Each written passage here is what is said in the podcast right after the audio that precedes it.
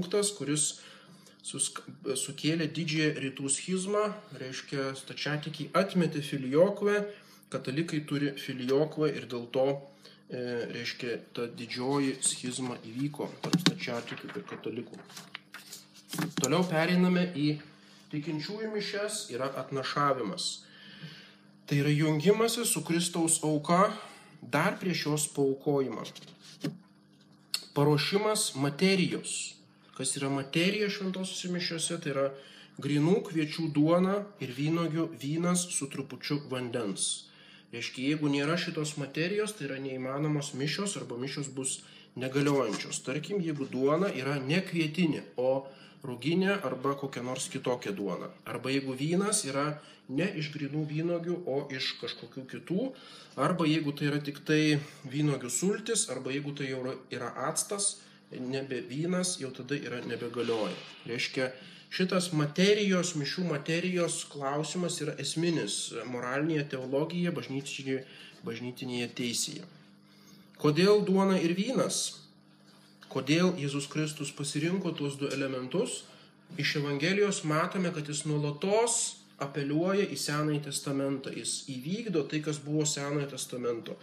Ir ką mes skaitome 109 psalmėje, kuri paskui cituojama Naujame testamente, esi kunigas Melchizedeko būdu. Jėzus Kristus yra kunigas ne Aarono būdu, kur aukojamos telyčios pelenai ir karvės ir viršeliai ir avis, bet Melchizedeko būdu, o Melchizedekas Po Abraomo pergalės, kaip skaitome pračios knygoje, aukojo duoną ir vyną. Tai yra lyg aukštesnio dvasingumo tokios aukos, o ne krūvinos Senojo testamento aukos. Ir reiškia, Jėzus Kristus yra kunigas ne Aarono būdu, nes jis ne iš Aarono giminės, o iš Davido giminės. Ir jis yra kunigas Melchizedeko būdu, reiškia, jis pasirinko tas Sename testamente jau pradžios knygoje išpranašautas dvi E, tuos du elementus - duoną ir vyną, kurie yra prieinami labiausiai būtent toje kultūroje, žemės ūkio kultūroje artimuosiuose rytuose. Ir čia iš to galima daryti tam tikras išvadas tokias civilizacinės, kad vis dėlto mm, to negalima pakeisti. Reiškia, negali būti iš esmės krikščioniška kultūra, kurioje nėra žemdirbystės, tarkim, kurioje yra klajokliai medžiotojai, kurie tik tai gyvūnus medžioja, kurioje nėra tos duonos ir vyno. Tai yra nenormali civilizacinė būsena, bet čia tokios spekulacijos. Toliau viduramžiais atsirado ištisa simbolika, kad grūdas taptų duona, jis turi būti iškultas, sumaltas, iškeptas kad vynogė taptų vynu, jis turi, turi būti išspaustas spaustuve, surūkti ir taip toliau. Ir tai yra Kristaus simbolis jau pačiuose elementuose.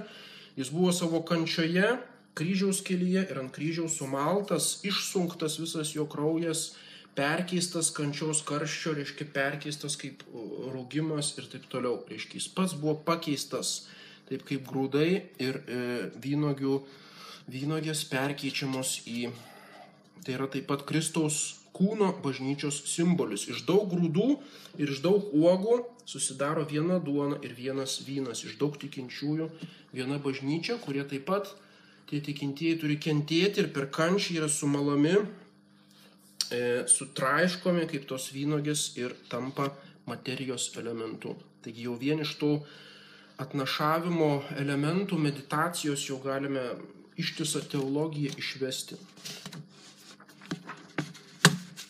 Materijos atnešimas seniausiais laikais mm, būdavo nešama būtent atnašavimo metu prie altoriaus patarnautojams atnašas duona, vynas, grūdai, vynogės, vaškas, aliejus, milkalai ir taip pat pinigai. Nuo pat pradžių būdavo būtent toje vietoje žmonės, kurie nesusimasta apie tą visą istoriją, mano, kas čia dabar pati mišių, pats mišių vidurys, atnašavimas ir staiga iššoka godus ministrantas ir visi turi barškinti tas monetas ir reiškia krau, argi čia dabar. Taigi po mišių galima ramiai sutvarkyti, su kreditinė kortelė įvedi pin kodą, o čia dabar per mišes barškinti monetas atsit kažkaip netinka prie to. Bet ne, būtent tuo metu, nuo pat seniausių laikų, nuo 3-4 amžiaus, būtent buvo arba natūra nešamos ta materija, kuri pačiai Euharistijai arba jos kitiems sakramentams.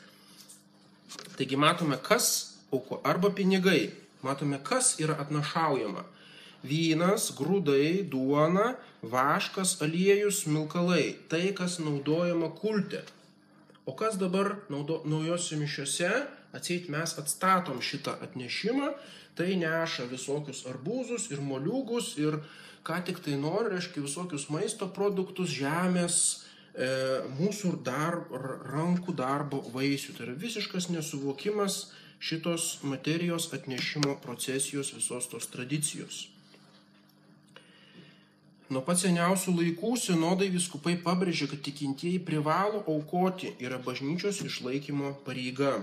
Tai yra bažnyčios teisės norma, tai yra įsakymas, vienas iš bažnyčios įsakymų. Kaip tikintieji privalo aukoti? Tokia bazinė forma tai buvo dešimtinė, deš, dešimtoji dalis e, mūsų pajamų. Vėliau šita dešimtinės jos buvo atsisakyta. Ir dabartinis bažnyčios išlaikymo būdas Tai yra vadinamoji mišių stipendija, kuri duodama kunigui už konkrečią intenciją laikoma šventasis mišės. Reikia suprasti, kad tai yra labai svarbu. Dažnai kunigas gyvena iš tos stipendijos. Reiškia, turime suprasti savo pareigą, jeigu aš turiu išlaikyti bažnyčią, tai lengviausias būdas nueiti į Zakristiją ir kunigui užsakyti mišes arba už mirusius, arba už gyvuosius. Toliau būtent yra ta auka per atnašavimą, kuri jau tenka ne pačiam kunigui, o yra visos bažnyčios pastato išlaikymui. Taip pat yra aukos už sakramentų sakramentalijų suteikimą. Tai yra mėgstamiausia tema žiniasklaidoje - godus kunigai, kurie, reiškia, prašo pinigų, o net nepagalvoja, kiek kainuoja vargonininkas, kiek kainuoja bažnyčios apšiltinimas, kiek kainuoja remontai, E, gėlės ant altoriaus, kokios yra brangios ir taip toliau. Žmonės apie tos dalykus negalvoja. Jie mano, kad viską kunigas krauna į savo kišenę ir paskui perka leksus. Tai nieko panašaus. Šitas aukojimas yra sakralinis dalykas, yra kanoninis dalykas. Tai nėra, kad bažnyčia susigalvojo dar pasipinigauti, bet tai yra glaudžiai susiję su mišių atnašavimu ir su šita pareigą, kad tikintieji privalo išlaikyti savo bažnyčią. Nekalbėsim apie visą atnašavimo struktūrą, čia per, per plati tema ir galiausiai prieiname prie kanono. Kanonas tai reiškia taisyklė. Kanon taisyklė nekintama norma, tai kas e, nekinta, kadangi daug mišių dalių kinta liturgijos metų bėgyje, priklausomai nuo laiko, ar tai Kalėdos, ar Velykos, tie tekstai pasikeičia. O kanonas visą laiką toks pat, todėl ir vadinasi kanonas. Seniausias pavadinimas šitos mišių dalies buvo anafora. Anafora reiškia aukos malda. Ir yra ištisas kolekcijos šitų anaforų E, rytų liturgijoje anaforos turi savo pavadinimus. Tai yra Jono auksaburnio anafora, yra Kirilo, Bazilijaus, Grigaliaus. Reiškia taip ir vadinama, kad dabar laikome, reiškia liturgiją Švento Jono auksaburnio, o Velykų laikų būna Švento Bazilijaus ir taip toliau. Romos liturgijoje yra tik tai viena Romos liturgijos anafora be autoriaus. Ir tai yra pati seniausia ir tokia švenčiausia mišių dalis, kuri siekia pačius pirmuosius amžius. Ir rubrikose prieš maldą komunikantės šito kanono eigoje yra tokie įtirpti žodeliai infraakcionėm. Kanono eigoje reiškia akcijų yra veiksme. Tai reiškia, kad kanonas ir kartu visos mišios tai nėra vien toks mentalinis prisiminimas arba tokia dvasinė malda, bet tai yra akcijų, tai yra darbas, kas praktiškai yra daroma. Ne kalbėjimas ir mąstymas, bet darbas. Infraakcionėm šitos akcijos eigoje paskui rubrikos nurodo, tas ir tas ir tas yra daroma. Reiškia, esmė mišių, tai yra prieš protestantizmą, prieš e, šitą, kad tai yra ne, kad mes pasiklausom Evangelijos ir grinai savo galvoje kažką tai pajaučiam arba suprantam, bet tai yra akcija, dalyvavimas Kristaus išganomoje aukoje. Kanono visą tą struktūrą matėme. Tai yra tokia kaip piramidė ir jau dabar matosi, kad viskas per ilgai. E, tai yra esminė šventųjų mišių dalis ir galiausiai yra komunija kaip susivienimas. Prieš komuniją kalbamas Pater Noster arba Tėvė mūsų, tai yra Jėzaus malda, pagrindinė evangelinė malda, kreipiamas į Dievo Tėvą ir joje yra žodžiai Panem Nostrum, duok mums mūsų kasdienės duonos. Ir bažnyčios tėvai šitą duoną supranta ne tik tai kaip duona, kurią e, valgome, kuri mums reikalinga kūno išlaikymui, bet kaip šventąją komuniją. Tai yra tai, ką mes priimame patį Kristų. Taigi kasdienė duona, kurios prašome, yra Kristaus kūnas.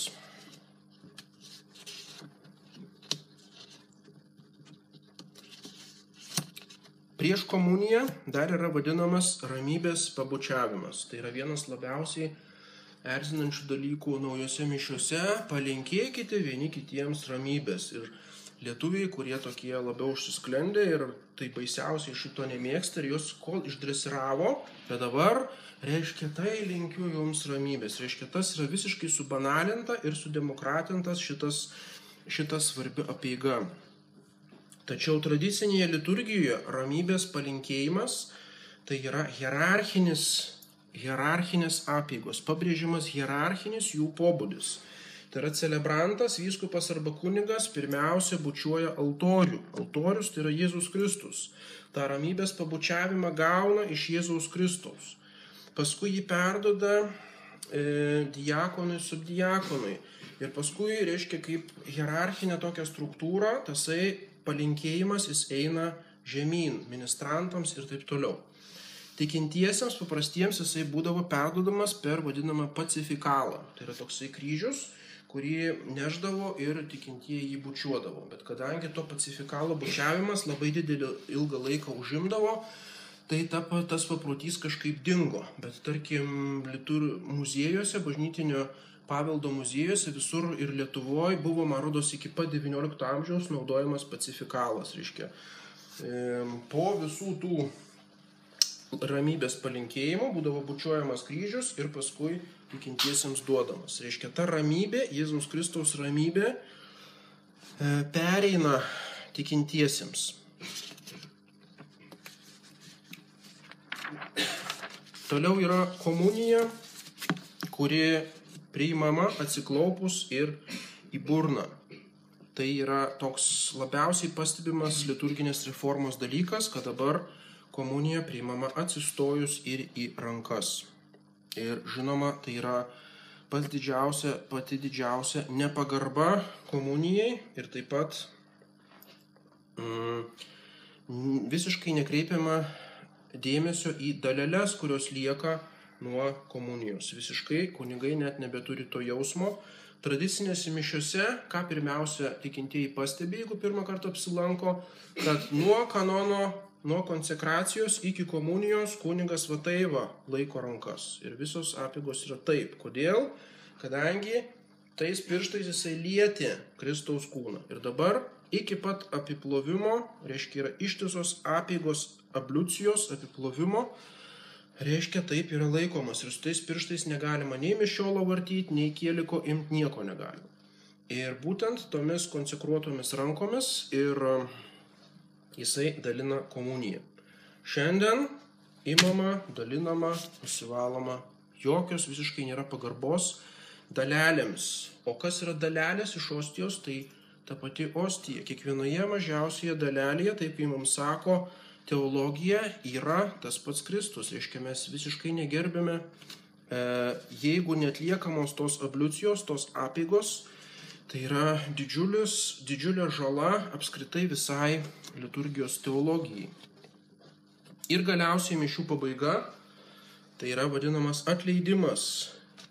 Ite misa est, eikite, mišios baigėsi, arba simbolinis aiškinimas, eikite, esate siunčiami, misa est, reiškia visas susirinkimas, kuris susirinko bažnyčioje, yra siunčiamas į pasaulį, kad iš tos aukos tai, ką gavo bažnyčioje, per visą savaitę savo aplinkoje, savo šeimoje skleistų. Tai yra gili simbolika. Reiškia, kiekvienas tikintysis, kuris dalyvauja mišiuose, yra kaip misionierius. Įte misa est, jis yra siunčiamas kaip misionierius į pasaulį ir turi tą Kristų, kurį į save priėmė per komuniją ir taip pat tikėjimo, tai yra tikėjimo priėmimas ir komunija priėmimas turi nešti į savo aplinką. Tai yra užduotis visai savaitėje iki kito sekmadienio. Čia tik bendriausiais bruožais kai kurie elementai paliesti, būtent tos gilios simbolikos. Matome, kad šventos mišios augo kartu su bažnyčia ir jos mišių istorija tai yra visa vakarų civilizacijos istorija ir e, bažnyčios istorija, galima sakyti, tokioje simbolinėje santraukoje. Gal kas nors klausimų turėtų?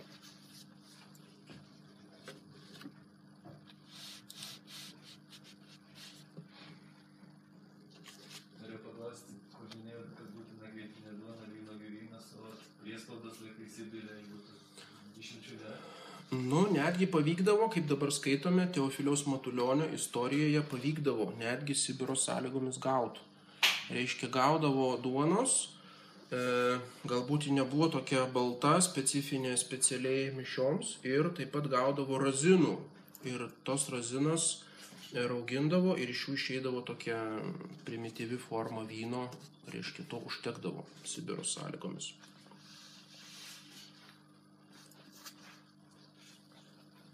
Bet po antro Vatikano susirinkimo buvo tas sakoma, o duona, kvietinė duona ir vynogių vynas, tai čia tik artimųjų rytų ir Europos civilizacijoms. Reiškia, o kaip Kinijoje? Kiniečiai būdavo ryžiai, tai reiškia reikia ryžių paplotėlius. Ir paskui Vatikanas turėjo gana ilgai kovot, kol visos tie bandymai ir eksperimentai buvo jų atsisakyta naudot kitą materiją. Nes tiesiog yra visiškai aišku, kad kitos materijos naudojimas yra negaliojančios apėgos.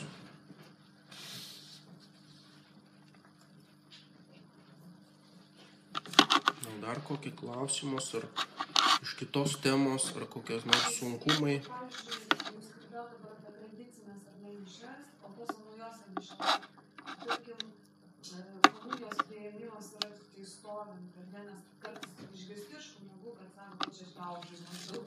Nu tai va, ir bando šitą, reiškia, išgyvendinti. Ir tai yra prieš visą tradiciją vakarų bažnyčioje. Žinoma, rytų liturgijose yra kitaip. Rytų liturgijos stovėjimas, komunija priimama stovint, bet vakarų liturgijoje yra klūpint. Ir rytų liturgijoje yra kitų pagarbos išreiškimo būdų, tokių kaip paklonai arba nusilenkimai, reiškia, kurie mums atrodo iš vis per sunkus. Reiškia, kiekviena ta tradicija išreiškia nuo tūkstantmečių susikloščiusi pagarbos reiškimo būdą. Ir nereikia mums žiūrėti, kaip yra lietų liturgija, bet mums reikia žiūrėti, kokia yra mūsų pačių tradicija. O mūsų tradicija nuo seniausių laikų yra atsiklaupimas. Ir mes atsiklaupę nusižeminę priimame. Ir šito dalyko keisti nėra absoliučiai jokios, jokio reikalo, nes masinės mišios su tūkstančiais priimančių komuniją, jos būdavo tiek viduramžiais, tiek XIX amžiuje, tiek XX amžiuje. Ir kažkaip visi susitvarkydavo ir nebūdavo didelių problemų. O dabar jau staiga, jeigu yra e, tūkstantis žmonių mišiose, jau atseit niekaip nebegalime klauptis, jau visi tik tai vorele ir staigiai priima komuniją. Tai yra Ir tai taip pat susijęs su komunijos grotelių panaikinimu, kadangi komunijos grotelės jos turi simbolinę reikšmę, jos atskiria presbiteriją nuo navos, tai yra atskiria miš, e, e, bažnyčios dalį skirtą tik tai mišių patarnautojams nuo dalies skirtos pasauliečiams. Tai simbolizuoja visą bažnyčios hierarchinį, hierarchinę struktūrą, kurioje dvasininkai skiriasi nuo pasauliečių. Po antro Vatikano yra protestantiška teologija visuotinės kunigystės, reiškia visi iš esmės esam kunigai ir šitos komunijos grotelės turi kaip pirmas elementas išnykti iš bažnyčios, kad susilietų, nes nėra esminio skirtumo tarp kunigų ir pasauliečių. O jeigu nelieka komunijos grotelių, tai įsivaizduokit, moteriškės, ypač senesnės arba susijonu, tai yra tikrai sunku ir atsiklaupti ir paskui atsistoti, kažkas turi paremti. Ir vien dėl to, kad joms sunku jau atsiklopti, tai tada buvo dar dingstis, kad įves stovint komuniją. Tai reiškia, viskas yra susiję, visi šitie elementai. Reiškia, jeigu nugriauni vieną, tai kaip lo, reiškia, domino kaladėlės visa tradicija ir sugriūva.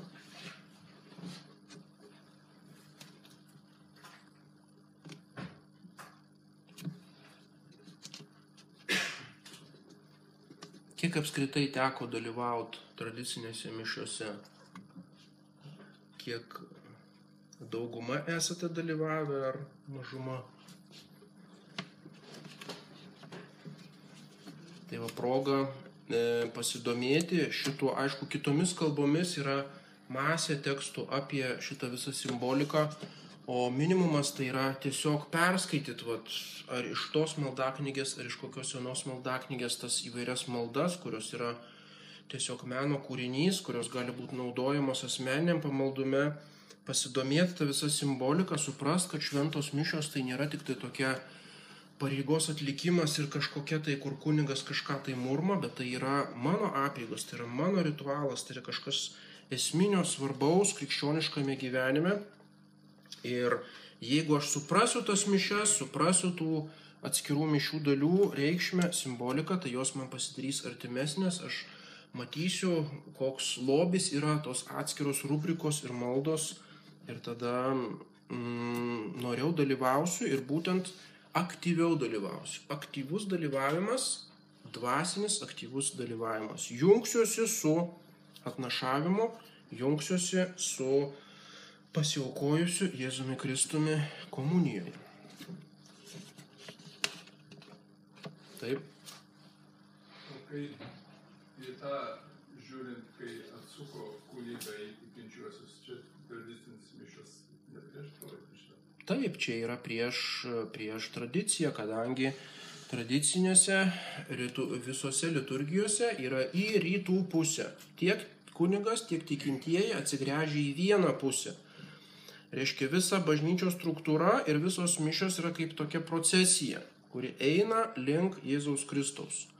Dabar kunigas yra atgriežtas į žmonės, reiškia, žiūri vieni į kitus. Pabrėžiama, kad tai yra bendruomenė ir jeigu bendruomenė, tai mes turim vienas į kitą žiūrėti ir vienas kitų džiaugtis ir klausytis. Ir tai yra tokia kaip fundamentalus pakeitimas visos orientacijos, reiškia, iš um, teocentrinės, reiškia nukreiptos į Dievą, visa liturgija tampa antropocentrinė, kurioje centre yra pats žmogus arba žmonių bendruomenė. Tai yra absoliučiai prieš visą tradiciją ir tai yra toks elementas, kuris atrodo labiausiai paviršutinis, koks skirtumas į kurią pusę bus atsigręžęs, bet kartu jis giliausia visos liturgijos reformos esmę išreiškia. Ir tai yra akivaizdu visiems liturgistams, kas bent kiek domisi liturgija ir Ypač popiežius Benediktas XVI tą akcentavo, kad tikrai reikėtų gražinti atsigrėžimą į altorių, į tabernakulį, į Dievą, į rytus, reiškia tą vieną kryptį per šventasias mišes. Tai yra toks kaip akivaizdi akivaizdybė, bet būtent dabar tas vėl nuslopo tradicinių mišių judėjimas ir dabar vėl niekas apie tai jau net nekalba, kad reiktų atsigręžus į Dievą celebruoti.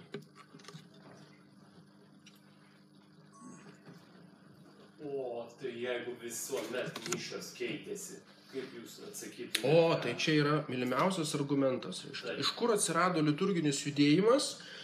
Iš to, kad liturgistai ėmė analizuoti liturgijos istoriją ir tada matosi, kad daug elementų keitėsi.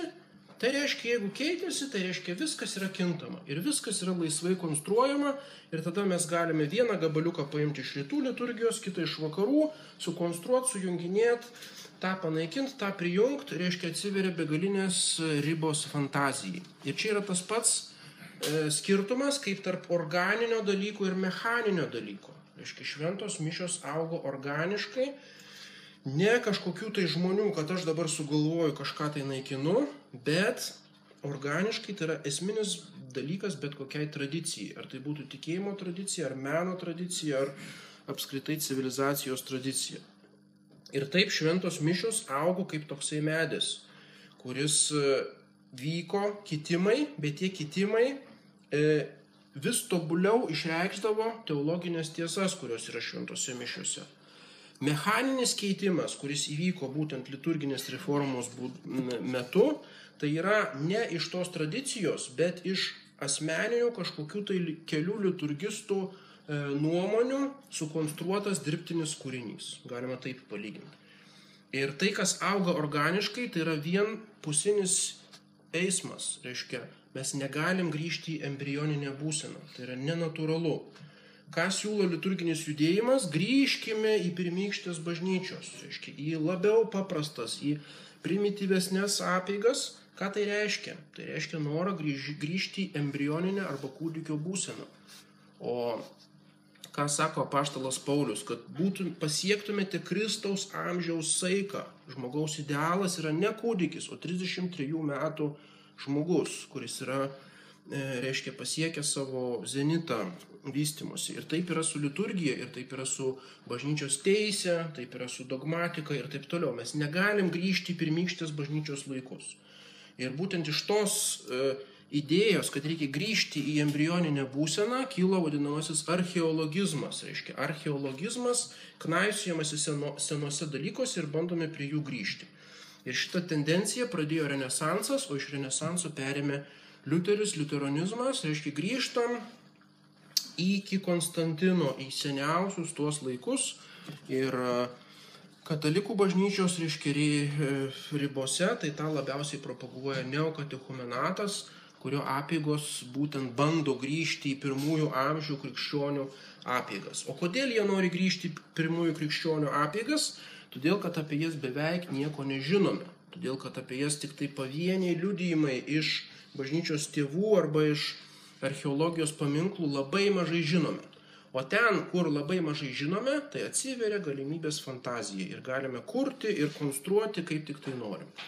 Ir tai yra piknaudžiavimas liturgijos istorijos žiniomis. Žinoma, reikia studijuoti liturgijos istoriją, bet reikia suprasti ją tradicijos šviesoje, kaip jinai augo ir visą laiką sieti su teologija, su tomis teologinėmis tiesomis, kurias išreiškia apėgos. O naujoji liturgija yra konstravimas neatsižvelgiant į tą tradiciją ir tikslingai siekiant sugriauti tuos teologinius elementus, kurie buvo išreikšti. Reiškia, samoningai greunama teologija. Per apeigas naikinamas tikėjimas į realų Kristaus buvimą, naikinamas tikėjimas, kad mišios yra permaldavimo auka, naikinamas e, tikėjimas galų gale į pragarą, į e, sielos buvimą, tarkim sielą. Iš visų liturginių knygų sistemingai braukiamas žodis siela. Yra žmogus, kuris gyvena, miršta, prisikels niekur apie sielą, kad žmogus yra iš kūno ir sielos. Tai, kas katekizme yra kaip bazinė tikėjimo tiesa, pasižiūrėkit Paltaroko katekizmą, pagrindinės tiesos, kurias krikščionis turi tikėti. Kad yra vienas Dievas, kad yra švenčiausia trybė ir kad žmogaus siela nemirtinga. Tai dabar šitas dinksta. Reiškia, sielos nėra, siela tai yra platonikų, pagonių filosofų išsigalvojimas, atseit Senajam testamente sielos nėra. Visas Senas testamentas, pasižiūrėkim, nuo Genezės iki išminties knygų visur yra siela. Yra aiški struktūra, kad yra kūnas, materialus ir siela dvasinė. Ne, šita tiesa yra visiškai ignoruojama, e, užgneužiama ir iš liturgijos sistemingai ištrinama. Nebėra mir, mirusiųjų vėlių, nebėra sielos išganimo, siela reiškia yra anatema. Nu tai klausykit, reiškia, jeigu tokius bazinius dalykus keičiam, ir kas yra to keitimo instrumentas, tikėjimo keitimo instrumentas, tai yra liturgija. Būtent per liturgiją iš žmonių galvų per keliasdešimt metų yra ištrinama tiesiog ištisi sluoksniai katalikų tikėjimo tiesų. Ir tai yra didelė problema. O siela ir dvasia tai skirtingas dalykas. Čia jau tokia psichologijos problema. Naujasis testamentas skiria tos du dalykus - sielą ir dvasę. Bet tai populiariai sakant, tai galima sakyti, kad yra tik tai viena siela, bet sieloje yra aukštesnioji dalis ir žemesnioji dalis. Tai reiškia tai, ką vadinama siela arba anima arba psiche, tai yra žemesnioji dalis, tai yra kaip gyvybė. Gyvybinės galios arba žemosios sielos galios, o dvasia arba spiritus arba pneuma tai yra aukštesnios sielos galios. Tai yra protas, valia, e, reiškia ir vat tą skirtumą Naujasis testamentas išreiškia dviem žodžiais. Taip. paprašyti jūsų pakomentuoti mišių dalių naujųjų e, žodžio liturgijos ir aukos liturgijos santykį su katechemenu ir mišiomis. Nes a, šiuo atveju atrodo kaip ir mišios kai kam pasibaigia, kaip jūs sakote. Tai yra tas, tas dalyvavimas mišiuose uh, yra dalinamas į dvi bendruomenės, o čia dalinamas į, į tiesiog į dvi, uh, dvi formas. Ne, čia taip buvo tik tai pirmaisiais amžiais, kada katechumenų buvo daug. Dabar katechumenų nuo ketvirto amžiaus jau įsigalėjo kūdikių krikštas ir krikščioniškose kraštuose kūdikiai krikštyjami ir visi dalyvauja, e, visi dalyvauja visose mišiuose. Čia buvo toks pereinamasis periodas tik tai bažnyčios gimimo laikų, kada buvo daug tų katechumenų. Reiškia, pagonis atsiversdavo ir tada būdavo ilgos katechumenato ilgas procesas, jie mokydavosi katechizmo, būdavo egzorcizmai, būdavo pratinimasis prie dorovingo gyvenimo ir taip toliau. Ir tie katechumenai būtent negali dalyvauti, kadangi krikštas atveria vartus visiems kitiems sakramentams. Reiškia, be krikšto negali priimti jokių kitų sakramentų. Ir šventos mišios Euharistija yra kaip aukščiausias ir svarbiausias iš sakramentų ir mišių auka yra svarbiausia iš ceremonijų ir todėl joje negali dalyvauti nekrikštyti. Aišku, dabar niekas nestato policininko prie durų ir neklausia, ar tu krikštytas ar nekrikštytas, visi, kas ateina į mišes, gali pažiūrėti, bet jau bent komunijoje, tai visą laiką, kur yra masinės ceremonijos, kunigas pasako, kad komunijos gali eiti tik tai katalikai, pakrikštyti, reiškia be mirtinos nuodėmės, negyvenantis nuodėmės būklėje ir taip toliau. Reiškia, yra tam tikras, tam tikras apribojimas. O tie pavadinimai tiesiog iš pirmųjų amžių yra išlikę ir jie būtent išreiškia tai, kad katekumenams yra svarbiausia tik tai tas mokymasis. Jie pirmiausia turi protų priimti tas tikėjimo tiesas, o tik tai paskui po krikšto jie galės jau realiai vienyti su auka. Tai čia tas dalinimas yra aktualus istoriniu požiūriu, o ne dabar. Jis nedalina bažnyčios į dvi kažkokias skirtingas bendruomenės.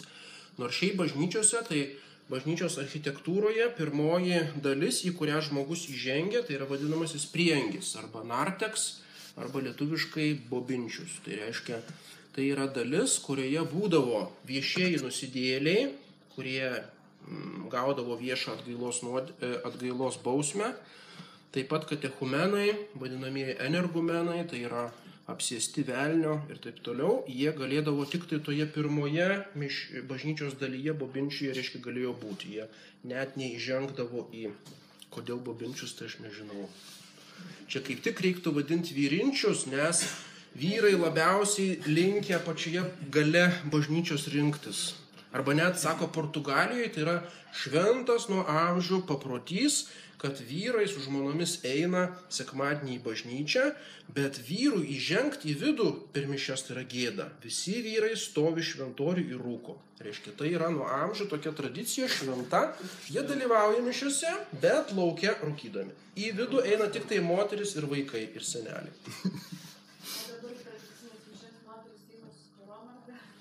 Daugumoje tradicinių mišių ar brolyjos ar kitur tai tiesiog savaime iš karto įsigali ir visos pasižiūri vieną į kitą ir visos karelės dėvi. Čia to net nereikia verst, kažkaip natūraliai šitas visur įsigali.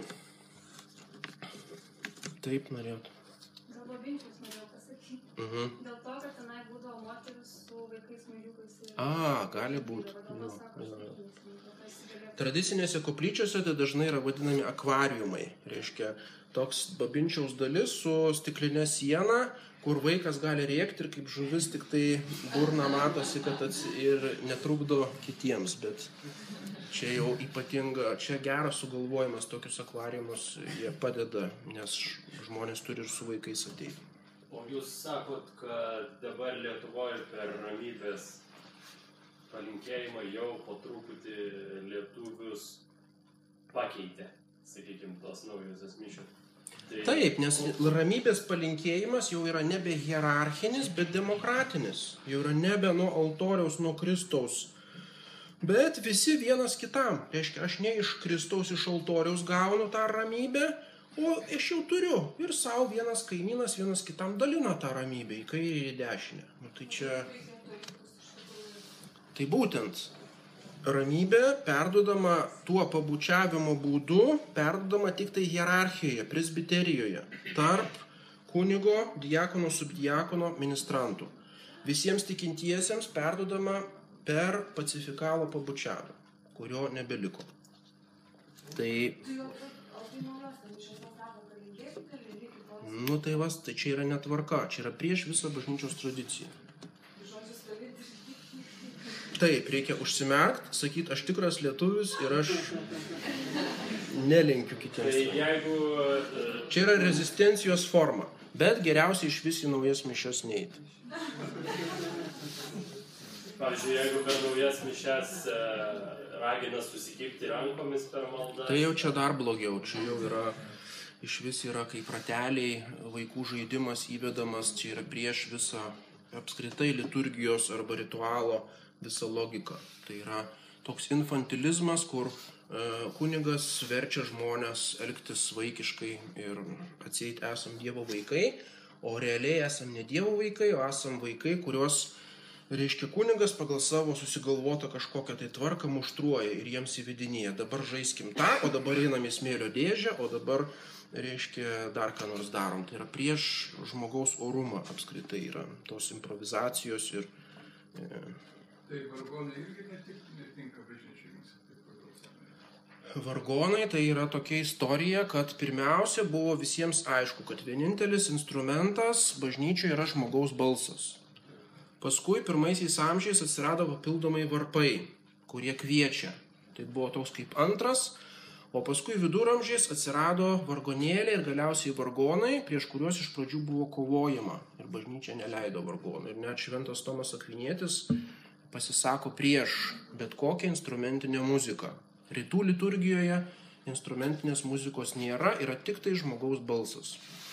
Bet vakaruose kažkaip tai tie vargonai įsigalėjo ir, nu, jie vis tiek prisideda prie tokio triumfo bažnyčios, to, to viso grožio liturgijos, daug prisideda ir todėl jie išliko.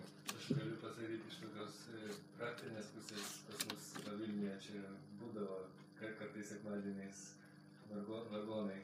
Bet visada buvo toks jausmas, jeigu mes užgėdodavom, tarkim, su bendruomenė pulkimą kelių vieni, tai jauti tą tokį labai gerą bendrumą, nes kai kartu su vargonais, tai žmonės tampa, jie vis tiek balsai silpnesni. Jie tampa pasyvesni, jie tampa pasyvesni. Tai lieka kažkoks didelis, didelis vargono toks. čia aišku, čia yra taip, taip, čia yra filosofinis klausimas, nes reikia vertinti visus tuos elementus. Reikia vertinti grigališkai choralą ir liaudės gėdojimą. Reikia vertinti vokalinį gėdojimą ir instrumentinį. Reikia vertinti ir profesionalus choro, kuris susirenka ir gražiai, gražias melodijas gėda, ir visų žmonių gėdojimą. Ir va kaip visus tuos sluoksnius suderinti harmoningai, kad visi turėtų dalį tame liturginėme veiksme, tai čia jau yra, nėra taip lengva. Ir čia ne visada sėkmingai tas pavyksta. Bet iš esmės turėtų būti visi tie elementai. Nes turim, tarkim, ir lietuviškų giesmių, kurios yra vertingos. Ir jeigu jos nebus gėdamos tradicijos, išnyks. Nes dabar bažnyčiose gėdamos kažkokios ištaizė, charizmatiniai kažkokie niuniavimai. Ir taip pat reikia tas lietuviškas giesmės irgi išlaikyti.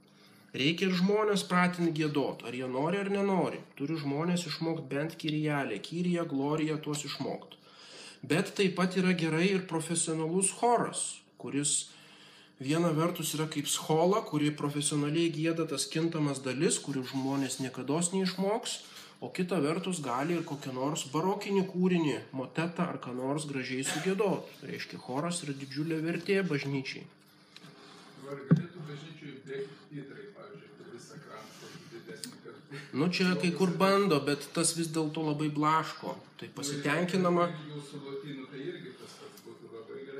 Nu taip, bet tada visi, visi žiūrėtų nebe į kunigą, nebe į altorių, o sektų kažkur taip. Čia, nu, čia jau per daug, man rodos, per daug informacijos, kuri kaip informacijos vartojimas. Mišios nėra informacijos vartojimas, bet yra, e, reiškia, dalyvavimas. Ir nėra taip, taip sunku, kas reguliariai dalyvauja, labai greitai išmoksta tas giesmes ir užtenka knygelės. Taip?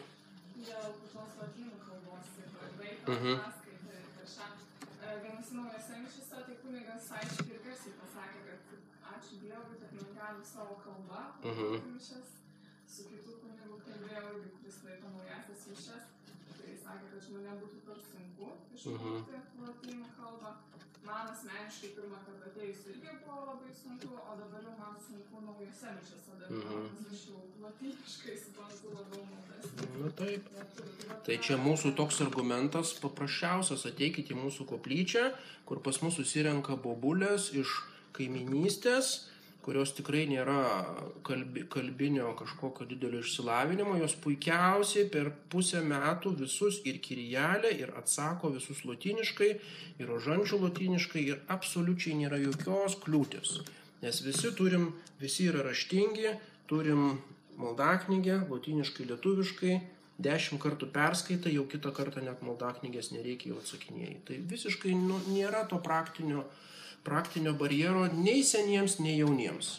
O vienos kalbos nebuvimas, tai ypač šiandien tai yra tiesiog nu, neįsivaizduojamas. Jeigu lietuviai tai yra tauta migruojanti tarp Londono ir, ir Vilniaus, tai reiškia tame migravime, nu tai kaip, tu į Londoną tik tai lietuviškas mišes turi eiti. O jeigu aš gyvenu, kur nėra tų lietuviškų mišių, reiškia visas migracinis procesas, dabartinis žmogus yra klajoklis, tai reiškia jis nebegali jau dalyvauti aktyviai mišiuose, nes yra kur nors ten škotiskai su škotišku akcentu, kur net angliškai negali suprasti, ką jis ten sako.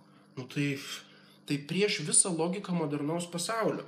Reiškia, visi mokosi angliškai ir bando vieną tarptautinę kažkokią susikalbėjimo kalbą įvest, o reiškia liturgijoje mes nebegalim kalbėti. Jau visi turi savo dialektais e, kalbėti. Nu, tai yra prieš globalizacijos visą logiką. Tai yra tiesiog antisociologinis, sociologinis reiškia mąstymas. Neseniai svarbią mintį perskaičiau, kad lotynų kalba kaip mirusi kalba labai svarbi tradicija išlaikyti. Taip, taip, taip. Pas pavyzdžiui, rusus ortodoksus naudojama tas senovinė rusų kalba. Taip, jinai taip pat yra. Katalikai pripažįsta ne tik tai lotynų kalbą, bet visas liturginės kalbas. Taip. Nesvarbu, kokia bus ta liturginė kalba, svarbu, kad ji būtų liturginė kalba. Ar tai bus graikų kalba, ar e, bažnytinė slavų, ar e, bažnytinė armėnų, ar... O visos tos kalbos labai skiriasi nuo dabartinių. Bažnytinė armėnų skiriasi nuo dabartinės šnekamosios. Graikų e, šita kalba taip pat skiriasi nuo taip, kaip dabar graikai kalba. Reiškia, visos kalbos yra tam tikra prasme mirusios. Ir rusui taip pat nėra labai lengva suprasti bažnytinę slavų kalbą tos tekstus. Jis turi specialiai mokytis ir yra rašyba labai sudėtinga ir viskas reiškia pati esmė liturginės kalbos, kad jinai būtų mirusi, kad jinai būtų tradicinė. Nu, tai priklauso nuo kunigo, kur yra kunigas. Kai kuriuose koplyčiose mes tik tai sekmadieniais galim nuvažiuoti, o kai kur yra kasdien. Čia priklauso nuo Vilniui, tai kasdien rodos dar nėra, bet yra kada? Sekmadieniais ir penktadieniais yra. O gal jūs e, galit, e, jeigu dar yra bent šiek tiek laiko. Man tai yra, aš tik tai, kiek jūs Pavyzdžiui, turite aš man įdomu e, rytų stačiatikių reakcija į pakeistas mišes ir ar vakaruose pakeistos mišos padarė įtaką. Taip, jie pasibaisėję, jie yra pasibaisėję, sako, ką jūs darot. Nes tačiatikiai sako, kad reiškia e, lotini, lotinistai, po- po- popiežininkai tai yra schizmatikai, bet jų liturgija tai yra mūsų, tai yra, reiškia, pravoslavai. Netgi yra pravoslavai, kurie lotiniškai tridentinės mišes laiko, nes sako, čia mūsų yra liturgija, o jūs dabar ją darko, tai reiškia, čia jiems didžiausias pasipiktinimas. Ir šitas yra kaip didžiausias kontrastas, nes pas tačiatikius tai yra tas didelis konservatizmas, bet Lenino laikais, 20 metais taip pat atsirado Rusijoje abnavlenčiastvo, atsinaujinimo toks judėjimas. Ir jie bandė kažką ten irgi knibinėti ir rytų apėgas kaitaliot. Ir buvo tokia stipri reakcija, kad paskui kaip nukirto. Ir dabar tarp stačiatikių taip pat yra modernistų. Yra socialiniai modernistai, yra teologiniai modernistai. Modernizmas klesti pas stačiatikius. Tačiau liturgijos tai nie pirštų negali pajudinti. Yra absoliučiai dogma, kad nieko negali keisti. Ir tas pas juos yra kaip tokia pats stabiliausias dalykas ir tai, kad pas katalikus viskas keičiasi ir kiekvienos mišios yra laisva improvizacija, tai jiems yra, žodžiu, tai yra labiausiai antiekumeninis dalykas, kokį tik tai galėjo sugalvoti po Vatikaninės reformos. Aišku, tada pri, pri, priartina prie protestantų, bet kita vertus nuo protestantų mus skiria moralinės vis, visi klausimai. Tai reiškia, neturim bendros moralės su protestantais, nėra ekumenizmo, neturim bendros liturgijos ir teologijos su stačiatikiais, irgi nėra ekumenizmo. Nu, tai reiškia, visas ekumeninis judėjimas yra pasmerktas tų pačių modernistų, galima taip sakyti.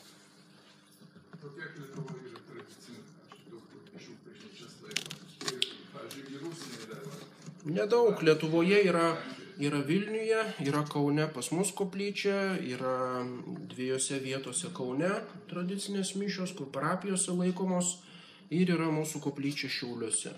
Ir dar yra keli kunigai, kurie privačiai laiko. Ir viskas, reiškia Lietuvoje nėra didelio pasirinkimo.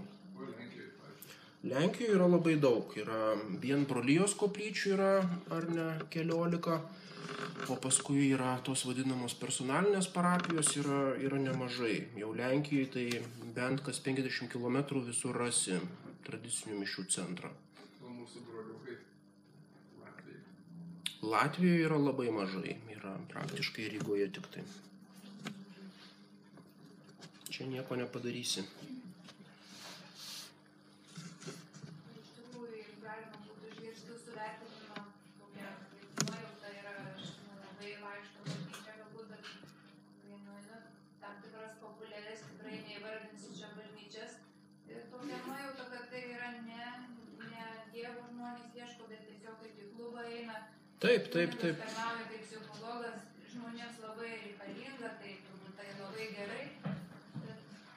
Taip, yra.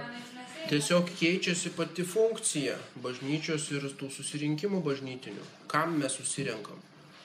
Ir ta protestantizacija reiškia, kad viskas yra subjektyvių jausmų, tik tai kažkoks išreiškimas, e, viskas yra nebe tas viešas kultas, o yra kažkokių grupelių, maldos grupelių, Biblijos skaitimo grupelių, susirinkimų toks konglomeratas, reiškia, keičiasi visa bazinė struktūra ir bažnyčios apostolatos, selovados ir E, reiškia keičiasi ne kažkokie paviršutiniai dalykai, bet fundamentalūs struktūriniai dalykai. Ir ar išgyvens didžioji dalis viskupijų parapijų tos struktūrinės reformas, tai jos iki šiol išgyvena tik tai tiek, kiek tęsia senąją, senuosius dalykus. Reiškia, tas, kas pasiliko iš seno, tai tas dar yra gromuluojama ir šiek tiek išlaikoma ir tai yra vienintelis e, vertę turintis dalykas. O visa tai, ką bando naujo įvesti, yra tik tai destrukcijos aktai. Kaip pavyzdys, tai yra vadinamos atsinaujinimo dienos, kurios reiškia tik tai importuoja visokiausias madingiausias dalyk- dalykus.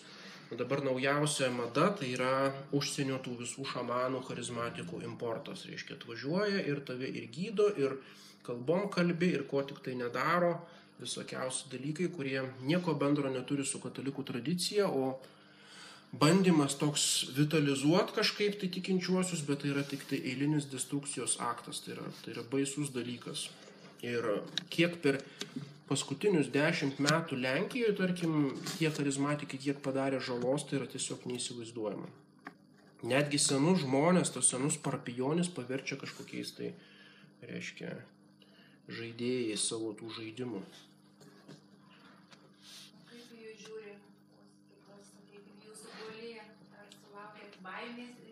Ne, dabar jom niekam neberūpi, dabar kiekvienas užsijima savo.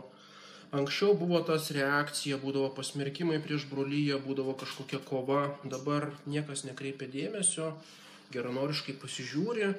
Reiškia, kuo liberalesnis, tai tuo palankiau į mus žiūri, galima taip sakyti. O tie didžiausi modernistai tai iš vis draugai ir galima viską pasišnekėti, bet aišku, kas iš to. Ne? Tai iš kur čia.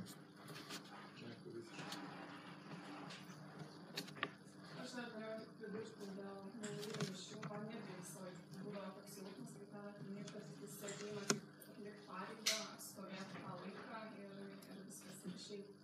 Tai iš tikrųjų norėčiau pakviesti tradicinės apsilankyti mišes, nes ten tikrai to nėra. Ir ten visiškai, visiškai kitaip. žmonėm labai reikalinga tokia, jie pajunta tą bendrovę, tą palinkti viens kitam ramybę, susima už rankų, jiems reikalinga banda, galima sakyti, negražiai, kad jaustųsi stiprus, bet Ne, tam- taip. Taip. Ta bendruomenė irgi turi būti. Kodėl mes negalim neigti? Turi būti ir bendruomenė, reiškia tikintieji taip pat turi būti solidarūs, turi į vienas kitą atkreipti dėmesį, turi bendrai gėdoti, bendrai melstis. Tai labai svarbu yra, bet būtent kas daro bendruomenę. Ne kažkokie tai e, paviršutiniai dalykai, bet bendras tikėjimas, bendras susirūpinimas bažnyčios būklė. Tai, tai kuria bendruomenė. Jeigu mes turim bendrus tikslus, bendrus bendrus interesus, tai šitas kuria, o ne šiltas pasibuvimas vienas su kitu. Tai gerai, dėkui Jums už kantrybę. Palaukit, kad aš, norėčiau, kadangi čia dažnai ateinu pasiklausyti kunigo, kunigų e, paskaitų, galiu patvirtinti, kad visa tai, kas kunigas kalbėjo, tai yra tiesa. Tai yra duodu, esu viskupas, tai tikrai galiu paliudyti, Mm. kadangi tai yra labai pergyvenu, bet esu be galo dėkingas Dievui, kad ir dar laiku atradau tradiciją, kur, kur gimiau, gimiau, kur dar kaip ir vaikas radau pašaukimą į kunigystę. Ir norėčiau pasakyti, kad e, ta šventoji liturgija nėra visų pirma emocijų vei- vei- veiksmas, bet yra tiesa. Gestai, žodžiai yra Kristaus veikla. Veikla ir būtent kaip ir dar mažas vaikas, žiūrėdamas į kleboną, kai auko, kaip aukoja tradicinės mišas, tai sakau, sakau Dievui, aš noriu būti kunigu. Nes man buvo aišku, kad šitas žmogus bendrauja su Dievu. O tai yra katalikų bažnyčia, bažnyčios lobis, didžiausia malonė, kad duoda e, kun- kunigams būti Kristaus asmenyje ir aukoti mišas. Tai, tai yra mano pašaukimas, tai yra iš to kyla. Čia Vilniuje e, galiu tarnauti, tarnauti e, bažnyčiai, aukodamas kiekvieną sekmadienį pirmą valandą po pietų, čia netoli šio fakulteto, e, kryžiaus bažnytelėje. Ir tikrai be galo kviečiu jūs atvykti. Čia kunigas ne tik jis nepatikė, tik į teoriją, nes jis gyvena. Kunigai gyvena tai, kas čia buvo pasakyta, bet jį reikia ir praktikuoti. Kada čia kryžiaus bažnytelėje tikrai mes viską darome, kiek dabartinių sąlygų leidžia, kad kiekvienas galėtų pasisemti iš šito lobino tikėjimą, viltį meilę. Žodžiu, priimti Kristų. Tai tada labai kviečiu atvykti, kol kas mes turime ribotas sąlygas, tai kiekvieną sekmadienį, o penktadienį yra kitoje vietoje, kai bendrausite, žinosite, kur, kad ateitų toliau Dievulis duos. Ir be abejo, manau, kad vyriausias būdas padėkoti už tokią gerą, nuostabią paskaitą, kur širdis pajunti, kad mes čia tikrai labai arti vienas kitą tapom. Pastebėjau daug nuoširdumo, daug e, iš širdžių kylančių troškimų patirti tą tikrą Dievo garbinimą pagaliau. Tada manau, kad mūsų padėka yra malda melstis, kad kunigai galėtų įvykdyti savo pasiuntinybę kuo uoliau, dėl to kartu su, su kartu mes galime e, melstis visada šitą maldelę. Viešpatie duok mums kunigų. Viešpatie duok mums, viešpatie duok mums šventų kunigų. Viešpatie duok mums daug šventų kunigų. Viešpatie duok mums daug šventų kunigų. Viešpatie duok mums daug šventų pašaukimų į vienuolystę. Viešpatie duok mums daug šventų pašaukimų į vienuolystę. Viešpatie duok mums daug šventų katalikų šeimų. Viešpatie duok mums daug šventų katalikiškų šeimų. Šventasis Kazimierai, melskė už mus. Šventasis Pijo dešimtąjį, Мерски ушмус. Паламентасис е Юрги Матулайте. Мерски ушмус. Паламентасис е Теофили Матулионе. Мерски ушмус. Мария, апоштолу Каролине. Мерски ушмус. Та пашисиме как книgas prelegentas su tekstu mūsų visiems palaiminimą. Aritorium nostrum in nomine Domini. Felicitione te. Dei omnipotentis, Patris et Filii et Spiritus Sancti, descendat super vos et mania semper. Amen. Dėkui už kantrybę